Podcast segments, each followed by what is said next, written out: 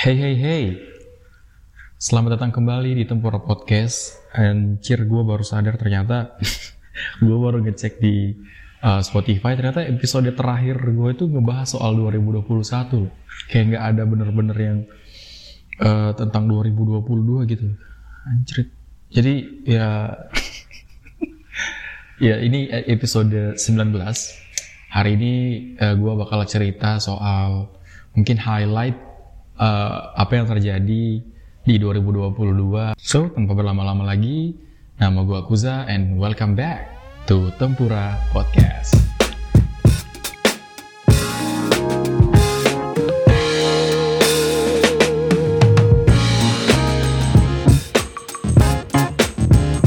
Ya, jadi um, hari ini adalah hari pertama gue mencoba untuk nge-podcast di luar ruangan ya. Jadi sebenarnya dalam ruangan sih, cuman kayak bukan di rumah, bukan di kamar atau di tempat yang tertutup, tapi ini tempat umum kayak di cafe gitu. Uh, pengalaman yang mungkin akan unik ketika orang datang ini mumpung lagi pagi ya, jadi kayak belum ada orang. So jadi hari ini uh, apa ya kayak pengen ngebahas aja gitu beberapa keresahan yang kayaknya mungkin uh, kalian juga udah pada ngerasain juga cuman kayak pengen nyari temen buat uh, dengerin cerita aja gitu kan. Jadi semoga episode kali ini bisa menemani kalian kapan pun kalian mendengarkan episode ini. Jadi emang di 2022 ini anehnya banyak banget. Uh, yang bikin kesel juga banyak banget. Cuman memang uh, selalu ada hal-hal yang datang, hal-hal yang baik juga datang di saat hal-hal buruk juga terjadi. Jadi kita nggak boleh terlalu apa ya fokus sama hal-hal yang buruk sehingga kita melupakan eh, hal-hal uh, yang sebenarnya bisa disyukuri dan udah ada di samping kita ketika hal-hal buruk itu terjadi. Mungkin kita mulai dari uh, kominfo ya. berita Kominfo yang kemarin sempat ngeblokir beberapa uh, situs dan aplikasi yang ada yang masuk ke Indonesia, antaranya ada Steam dan PayPal yang jadi sorot yang jadi sorotan. Dan waktu itu banyak sekali uh, apa ya kontra ya, kayaknya pro-nya dikit, kayak semuanya rata-rata kontra semua sama keputusan Kominfo yang satu ini karena mereka dinilai um, ingin menghabiskan atau ingin mengambil pajak dari aplikasi-aplikasi dan situs yang berasal dari uh, luar negeri ini.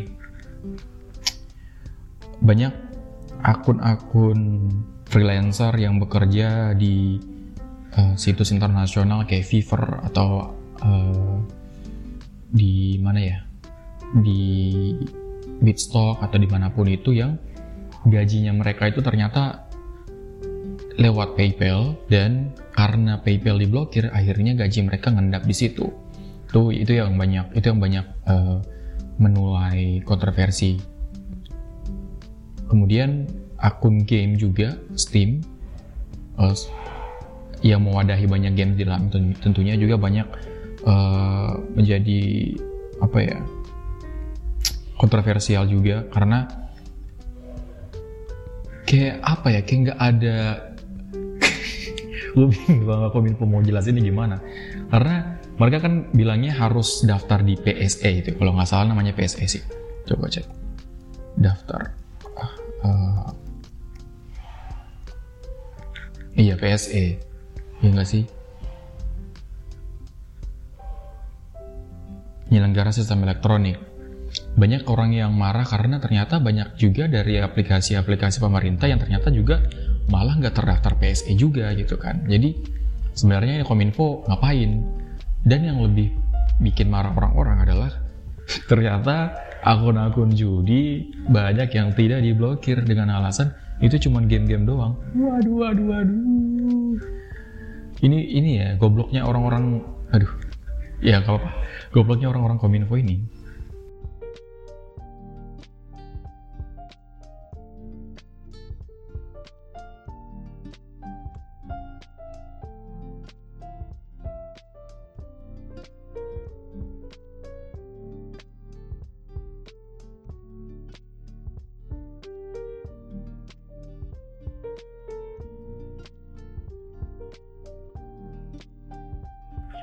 mereka tuh kayak nggak menyiapkan antisipasi dari apa yang mereka lakuin gitu. Jadi niatnya tuh kelihatan banget busuknya gitu kan. Jadi kayak aplikasi judi kan nggak diblokir nih. Katanya karena uh, itu cuma permainan-permainan doang gitu kan. Yang mana jelas-jelas itu ya kita tahu sendiri itu jelas judi sih. Kayak anak-anak umur uh, eh, SMP atau SMA aja udah ngerti gitu. Masa bapak-bapak ya terhormat di kominfo itu nggak ngerti kalau itu judi barulah nanti setelah uh, banyak uh, demo banyak uh, tuai kritik dari netizen baru mereka uh, memblokir juga ya ini kan kayak kelihatan banget gitu jadi kemarin gue sempet dengar uh, ternyata sebelum masuk di PSE atau daftar PSE itu adalah aplikasi-aplikasi ini kayak Steam, PayPal atau aplikasi judi itu harus mendaftar dan mengikuti peraturan yang Kominfo tetapkan. Dengan uh, apa secara langsung mereka harus mengikuti semua uh, apa sistem atau peraturan-peraturan yang ditetapkan juga termasuk mungkin nanti akan membayar pajak. Ya, jadi uh, simpelnya sih sebenarnya Kominfo tuh pengen mengawasi kata mereka, cuman uh, banyak yang bilang kayaknya Kominfo tuh cuman pengen ngambil pajak atau ngambilin uh, duit doang dari aplikasi-aplikasi ini biar mereka dapat pemasukan lagi. Yang mana itu obvious banget, kelihatan banget. Cuman gak tahu uh, akhirnya sekarang gimana ya?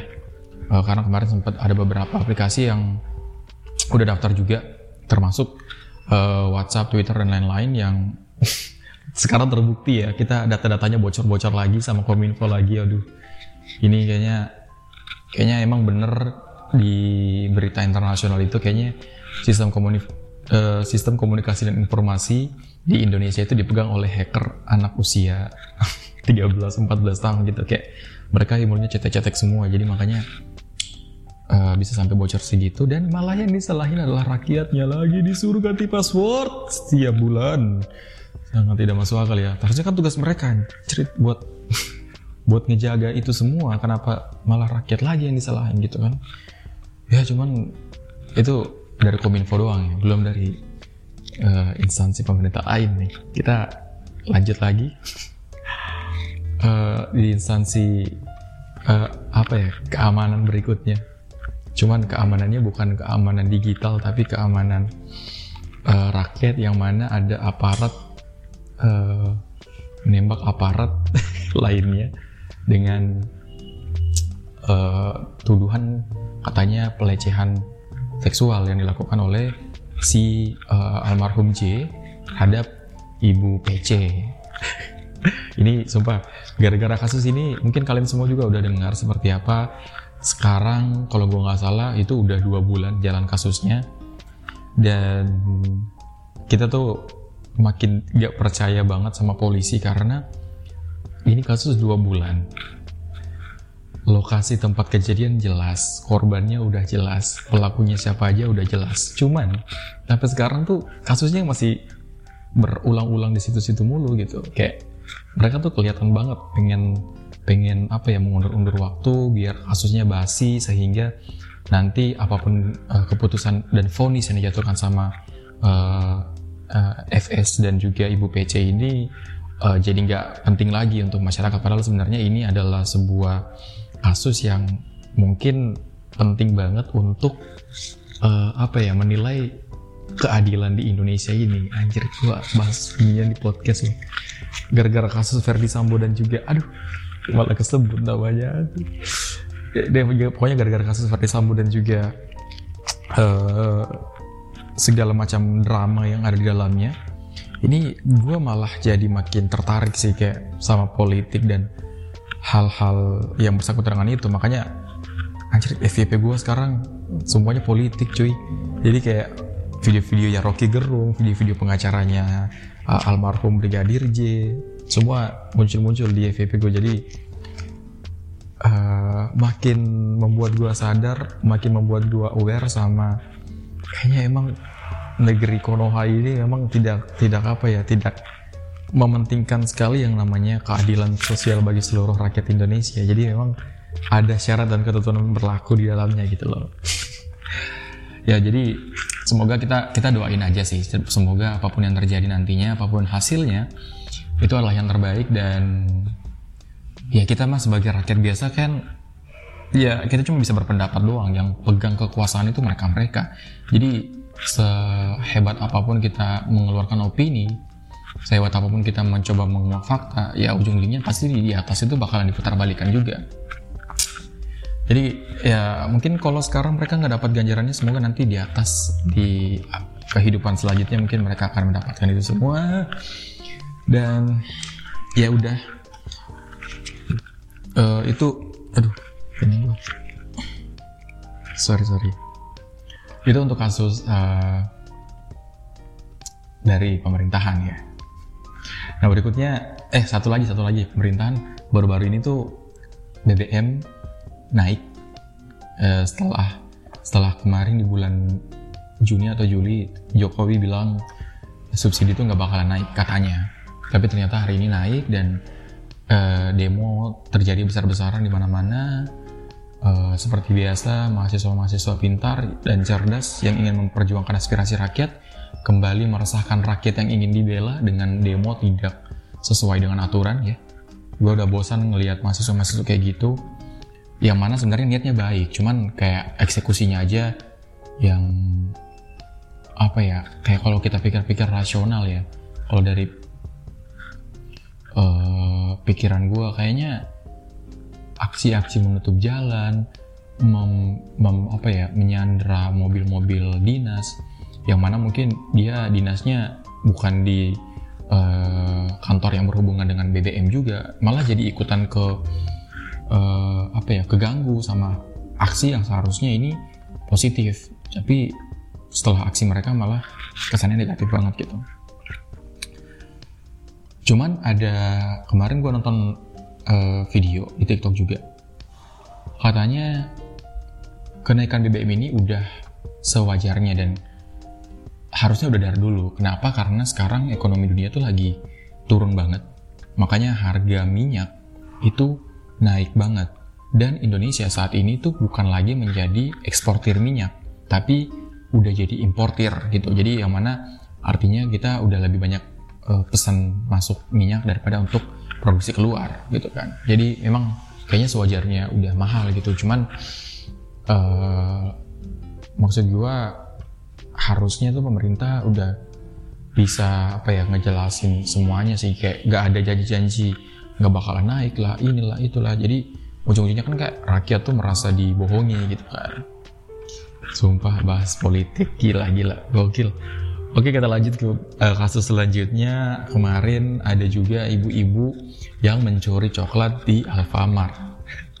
Ibu ibu-ibunya katanya naik Mercy dan dia adalah uh, uh, ya lumayan orang kayaknya orang kaya juga sih karena dia ada ada tokonya juga di di daerah sana gitu kan.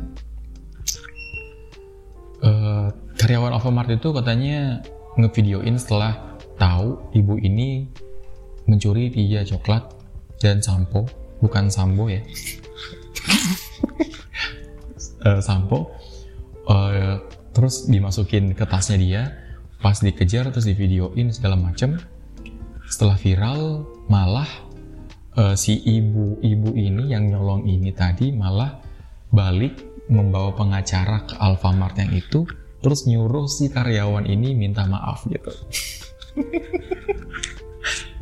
Inilah potret uh, apa ya keadilan di negara kita yang mana memang kayaknya yang punya uang memang yang berkuasa jadi karena si ibu-ibu ini mampu membawa pengacara ke sana justru si uh, karyawan ini yang kata netizen dinilai sebagai orang yang uh, ingin memperjuangkan apa ya SOP perusahaannya dia malah jadi seolah-olah pihak yang bersalah karena mencemarkan nama baik. Padahal sebenarnya uh, yang dilakukan itu adalah usaha dia untuk menjalankan tugasnya dia gitu kan karena in the end kalau misalnya ada sesuatu yang terjadi di tokonya dia kayak kecurian gitu kan yang tanggung jawab juga mereka. Perusahaan juga jadi rugi karena uh, karyawan yang bertugas saat itu. Minta maaf terus akhirnya malah buat kontroversi akhirnya di, makin dibully lagi si ibunya. Sampai akhirnya waktu itu eh, pengacara ternama Sultan siapa sih namanya? Hotman Paris akhirnya turun tangan uh, dia bikin video soal uh, katanya dia banyak dapat request dari netizen untuk membantu karyawan Alfamart ini untuk menang dan uh, menarik permohonan maafnya dia kepada ibu-ibu ini. Dan sepertinya nggak sampai bertemu ya kayak Hotman itu nggak sampai ketemu sama si pengacara atau siapa pun dari pihak si ibu-ibu yang mencuri ini kayaknya udah mereka udah ketar-ketir duluan karena tahu namanya Hotman Paris sudah besar ya. Jadi mereka malah uh, langsung bertindak kembali untuk permohonan maaf dan klarifikasi. Seperti biasa siklusnya selalu seperti itu. Cuman uh, di sisi lain hal ini juga mengajarkan kita untuk sepertinya tidak uh, kemarin gue dengar podcastnya Panji katanya harusnya kita nggak terlalu mudah untuk memviralkan sesuatu dan mengupload dan mengunggah itu ke sosial media. Karena sekali lagi kita ada pasal undang-undang ITE yang mana ini pasalnya ngaret dan belum ada kejelasan sama sekali bisa aja yang kita lakuin benar cuman karena kita uh, merekam, memviralkan hal-hal yang kita rasa uh, benar itu ternyata salah gitu kan. Jadi uh, sebijak-bijaknya lah karena sekarang di mana-mana tuh anjir orang-orang kalau bikin salah marah-marah dia yang salah biasanya di videoin cuy. Jadi kita seolah-olah karena ngelihat dari POV sudut pandang orang yang salah ini malah jadi berpikir mungkin orang yang di video itu emang beneran salah padahal seharusnya kayak sebenarnya dia, dia tuh bener. Cuman karena emang dia yang ngerekam aja gitu jadi seolah dia yang benar ya itu lumayan dapat pelajaran juga sih kasus itu. Kemarin viral juga. Terus uh, ini kasus satu ini yang lumayan mencengangkan juga ya kan gue kemarin banyak ini ya banyak emang di FVP gue itu salah satu topik yang lumayan gue sering nonton adalah bagaimana orang Amerika sana uh, sering apa ya mendeklarasikan mereka itu sebagai eh, gender-gender uh, yang nggak masuk akal gitu. Kemarin yang paling aneh ada yang paling aneh kemarin tuh ada orang yang dia tuh pengen gender identitinya itu adalah serigala. aneh banget. Jadi dia uh, mengidentifikasi dirinya itu sebagai serigala. Jadi dia hidup dengan uh, secara serigala, ber, berperilaku seperti serigala, makan seperti serigala juga. Di sekolah bahkan dia ingin guru dan teman-temannya memperlakukan dia sebagai serigala, bukan sebagai seorang hewan, eh seorang manusia, sorry. Jadi dia nggak boleh dikasih PR, nggak boleh dikasih apa pun, kayak ya udah pure perlakukan dia seperti hewan aja gitu. Terus jadi aja ngobrol sama uh, ini tokoh-tokoh aktivis. Mungkin kalau kalian sering lihat juga uh, si profesor atau dokter yang pakai kacamata terus dia berewokan gitu. Terus dia nanya kayak uh, kalau lu apa dianggap sebagai serigala apakah lu berbahasa serigala juga? Apakah lu bisa mengerti mereka juga kan uh, i, dalam rangka untuk mem, apa ya menjadikan diri lo sesuatu lo harus menjadi bagian dari sesuatu itu juga kayak misalnya banyak cewek-cewek di luar sana yang eh, nggak uh, pengen dipanggil uh, uh, dengan sebutan she atau her gitu kan. Mereka pengennya uh, non binary atau genderless gitu kan. Begitu, juga sebaliknya cowok nggak pengen dipanggil cowok tapi mereka pengennya dipanggil dengan gender identity lain. Dan mereka berperilaku seperti gender identity itu mungkin. Cuman yang nggak masuk akal aja. Mereka sampai aneh aneh itu gitu. Nah barusan di Makassar di Universitas Hasanuddin kemarin ada mahasiswa yang mengaku gendernya dia non biner dan dan apa ya ini ini tuh anjrit ini lucu dan gue nggak nyangka aja dari sekian banyak provinsi dan daerah di Indonesia yang pertama viral mendeklarasikan dirinya dia sebagai seorang non biner adalah seorang mahasiswa dari Sulawesi Selatan yang mana aduh gue gue gak gak sampai kepikiran gitu. Kayak gue punya mungkin beberapa teman yang juga hmm, let's say apa ya LGBT gitu kan. Tapi mereka tuh nggak seobvious itu mau bilang mereka tuh LGBT mereka ya udah keep it secret aja dengan mereka sendiri gitu kan. Uh, mungkin dengan kaum kaumnya mereka juga cuman sampai harus mendeklarasikan itu kan ya lu mikir aja gitu lu tinggal di Indonesia lu harus mau mengikuti dong aturan-aturan di sini gitu. Dengan mendeklarasikan lu sebagai non biner otomatis lu melawan nih against against rules yang udah kita punya dan ini basisnya udah bertahun-tahun berpuluh-puluh tahun. Bukan cuman yang dibangun kemarin ini bukan Amerika yang negaranya seliberal itu. Cuman uh, sampai berani untuk itu gue aduh udah nggak masuk akal lagi. Um, hal ini justru malah makin parah ketika banyak tuai protes juga. Kembali lagi netizen selalu memprotes selalu ada pro dan kontra. Dan akhirnya rektor Unhas itu minta maaf karena ini gitu. Ya maksud gue kalau misalnya memang uh, penyimpangan ini uh, apa ya uh, memang udah salah gitu ya. Se sejelas itu hanya karena hanya karena uh, banyak yang tuai kontra itu bukan berarti kita harus minta maaf nggak sih? Kayak ya kita harus tetap sama pendirian kita gitu. Otomatis kalau misalnya kita minta maaf gue yakin akan banyak nanti bermunculan non biner non biner lain yang berani untuk mendeklarasikan diri mereka di publik. Apalagi ini di dunia pendidikan loh di di universitas. Jadi Eh, hal-hal uh, yang seperti ini sebenarnya bahaya banget kalau misalnya kita dukung sedikit aja mereka bakalan lebih bebas lebih merajalela di mana-mana dan ini sangat buruk untuk uh, adik-adik mungkin atau anak-anak atau sepupu-sepupu kita yang masih kecil. Bisa jadi mereka tertular sama virus-virus ini dan malah jadi nggak beres. Dan negara kita makin kacau cuy dua gender aja udah susah. Diatur apalagi udah banyak makin aneh nanti tiba-tiba muncul orang gendernya uh, kunci motor kan gak karena aneh-aneh kan siapa tahu. Ya ada yang gendernya buah lah durian atau apa gitu kan. Eh, pusing pusing pusing pusing. Uh, keresan-keresan itu kayaknya mungkin dari dari luar ya. Kayak semua bertumpuk dan uh, mengingatkan kita kembali sama Indonesia itu emang negara yang unik dan unik dan apa ya? Unik dan gokil sih. Eh, nggak uh, tahu kenapa kasus-kasus yang ada di sini tuh bahkan nggak terpikirkan untuk ada di negara-negara lain mungkin ya.